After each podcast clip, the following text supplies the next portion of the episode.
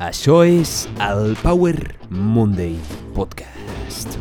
Yuhu! Feliç estiu!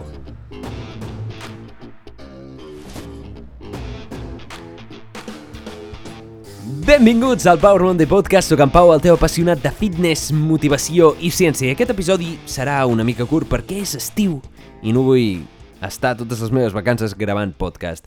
Així que aquesta setmana porto una frase de Paulo Coelho i una reflexió, una petita reflexió sobre els errors i les equivocacions. I per l'altra banda, et porto una de les plantes que odio més en aquest planeta i el seu fruit, un dels més beneficiosos i nutritius per la nostra salut que justament floreix aquest estiu. Així que som-hi! A mistake repeated more than once is a decision. A mistake repeated more than once is a decision. Aquesta frase de Paulo Coelho ve a dir això. Una equivocació repetida més d'una vegada és una decisió, o un error repetit més d'una vegada és una decisió. L'ésser humà és capaç d'una fita increïble, repetir dos vegades el mateix error tot i ser-ne plenament conscient.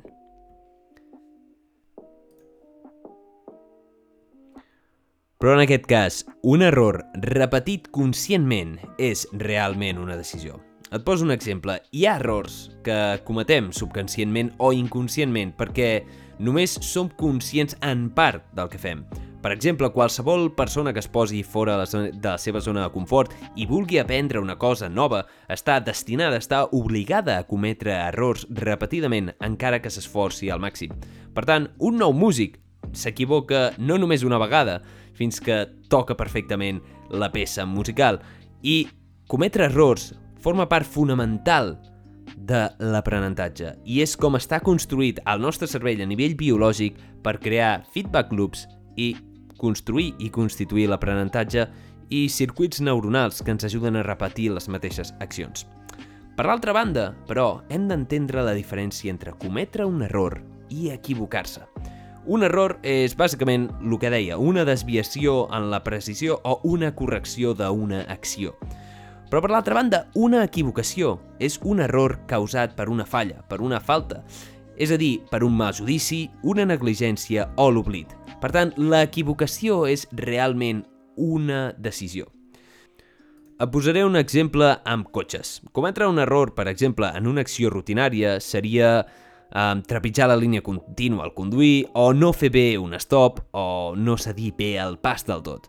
Però equivocar-se seria conscientment decidir saltar-se l'estop tot i saber les possibles conseqüències i havent tingut un accident abans, o aparcar a la plaça de minusvàlids tot i que ja, hagin tant, ja t'hagin posat la multa, o aparcar en un lloc de zona blava sense posar el tiquet. Això és una decisió. Per tant, una equivocació repetida més d'una vegada és una decisió, no és un simple error derivat de la rutina. Tots ens equivoquem i tots cometem errors i l'humà és capaç d'equivocar-se més d'una vegada, més d'una vegada, eh? No només dues, sinó tres i quatre en la mateixa cagada. Llavors, la meva pregunta és, en què t'has equivocat més d'una vegada i en què podries canviar per modificar aquests errors i que no et vagis equivocant sempre en el mateix. Què és allò en el que segueixes cagant-la? Òbviament no és tan senzill, però el que sí que hem de fer és aprendre dels nostres errors, encara que no sigui completament. Els nostres errors, les nostres cagades ens han de servir per créixer. I sé que els errors poden semblar com un càstig, però en realitat són una oportunitat per fer millor les coses. Si et fas la pregunta de què puc aprendre d'aquesta situació, què puc aprendre d'aquesta cagada que acabo de fer, realment t'estàs ajudant a tu mateix a no tornar a repetir aquell error o no tornar a repetir o repetir possibles nous errors semblants. Llavors, la pregunta que potser t'estàs fent ara és qui collons és Paulo Coelho i per què té tantes quotes i frases? Doncs bé, Paulo Coelho és simplement un autor, compositor brasiler, conegut per la venda del seu llibre L'alquimista. No sé per què va fer aquest boom de quotes internet amb les seves reflexions, perquè, a cap i a la fi, no es dedica al desenvolupament personal ni a cap filosofia de l'estil. Així que algunes frases bones té, aquesta és molt poc específica, però crec que és molt útil per fer la reflexió. Un error que pots cometre, una equivocació molt gran que pots cometre aquest estiu és no anar a collir mores. Així que en el següent apartat et parlaré de les mores. Piu, piu, piu. És estiu, i durant l'estiu, una de les plantes que menys m'agrada d'aquest planeta perquè sempre em fot talls quan vaig al bosc, produeix una de les fruites més delicioses i nutritives del món, les mores. De fet, aquesta planta és l'esbarzer, o rubus fructicosus, i com indica el seu nom, produeix una fruita d'allò més deliciosa. Consumir mores silvestres pot tenir molts beneficis i avui te'n porto 5. De fet, aquestes mores les pots trobar molt fàcilment distribuïdes per tot el Mediterrani, sobretot per Catalunya en podem trobar moltíssimes de moltes varietats i floreixen o les pots recol·lectar sobretot durant agost i setembre. Per tant, aquí tens els 5 beneficis més increïbles que ens aporten les mores. Així que som-hi, let's go! Número 1. Les mores són un dels fruits del bosc amb més antioxidants del món. Amb el doble d'antioxidants que els navius, les mores tenen un perfil d'antioxidants increïble. Per què ens ha d'interessar això? Doncs bé, s'ha demostrat que els antioxidants aporten beneficis per la salut, i concretament el de les mores, aquestes antocianidines i compostos fenòlics, ens aporten beneficis com efectes anticancerígens, prevenció de malalties neurodegeneratives i beneficis per la diabetis. De fet, s'estan estudiant contínuament aquests constituents fenòlics com l'àcid rubínic o l'àcid rubitílic. Aquests constituents o aquests antioxidants tenen accions biològiques que s'han observat en animals com efecte antioxidant, anticancerigen, antiinflamatori, antimicrobial, antidiabètic, antidiarreic i antiviral.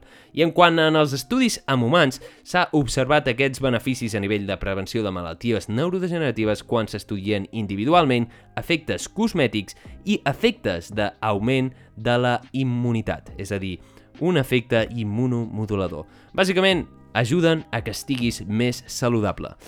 Si vols revisar més en detall els efectes beneficiosos de les mores, dels rubus fructicosos, et deixo un article publicat al Molecules per l'autor Muhammad Zia ul Haq. No sé com es pronuncia això. Muhammad. Vale?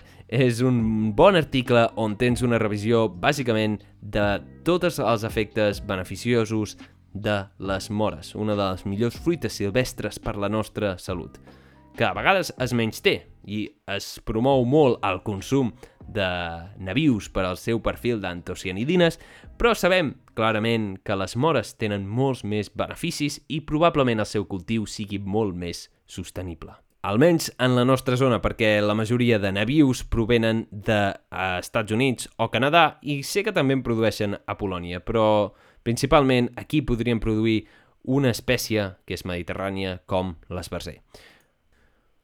D'acord, ara anem a per al segon benefici, que aquest també va relacionat directament amb la nostra salut. Són fruits lliures de pesticides, ja que els fruits silvestres no tindran pesticides. Pot ser que et trobis, tot i així, algun insecte, per tant, vés en compte de que no et mengis algun insecte. Jo algun insecte que m'he trobat és un pernat pudent, que fa que les mores no estiguin gaire bones, així que vés en compte.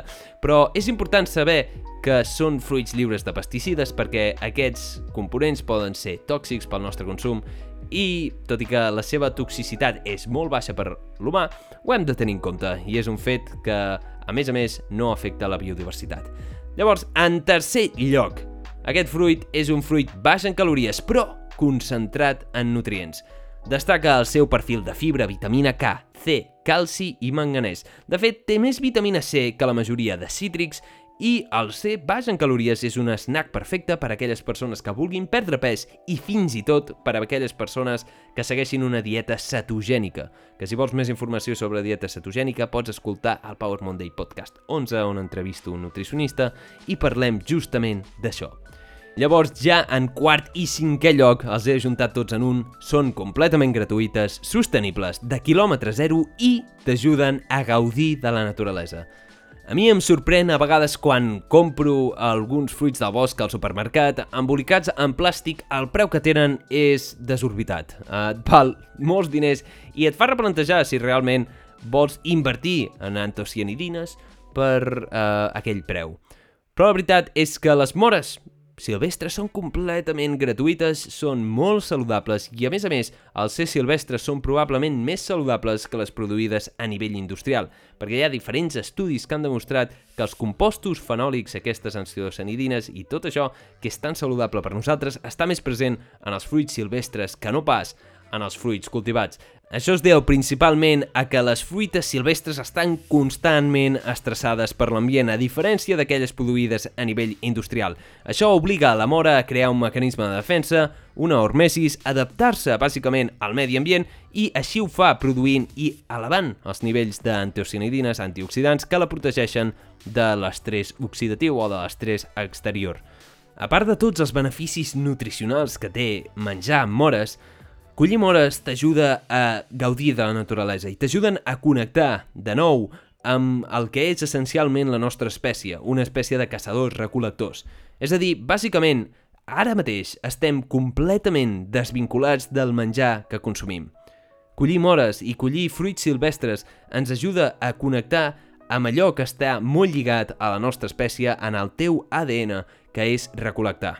I, increïblement, quan reculls mores eh, o reculls fruites silvestres, et dona aquesta sensació de benestar, aquesta sensació de llibertat i aquesta satisfacció d'aconseguir un objectiu. Estem molt vinculats per viure la naturalesa i recol·lectar el fruit que consumim. Recorda que gaudir de la naturalesa és important i t'ajuda a viure més i millor. I aquests són els beneficis de les mores. Espero que t'hagin agradat. Digue'm si consumeixes mores. Ah, i si vols alguna recepta, busca. A internet pots trobar multitud de receptes. Una de les que més m'agrada a mi i que tinc bons records de petit és menjar-me un granjat de mores. Deliciós, fet amb Thermomix, pim-pam i nutritiu. O si no, una bona marmelada de mores. I això és tot per aquest episodi. Moltíssimes gràcies per haver escoltat aquest episodi. Espero que hagis après molt o t'hagi aportat una mica de valor. Recorda, si t'ha agradat, si plau, comparteix-ho amb els teus amics o envia-ho a una persona que creguis que li pugui interessar. Posa en follow a qualsevol xarxa que m'escoltis i si no, a Instagram, a Power Monday Show, em pots enviar un missatge. Recorda, una equivocació repetida més d'una vegada és una decisió, no és un error. I les mores silvestres són un fruit prodigiós concentrat amb nutrients i antioxidants que t'ajuden a gaudir i connectar amb la teva naturalesa i a més són completament gratuïtes. Et desitjo una setmana èpica, que mengis moltes mores i ens veiem en el pròxim episodi. Ciao! Uh, ah!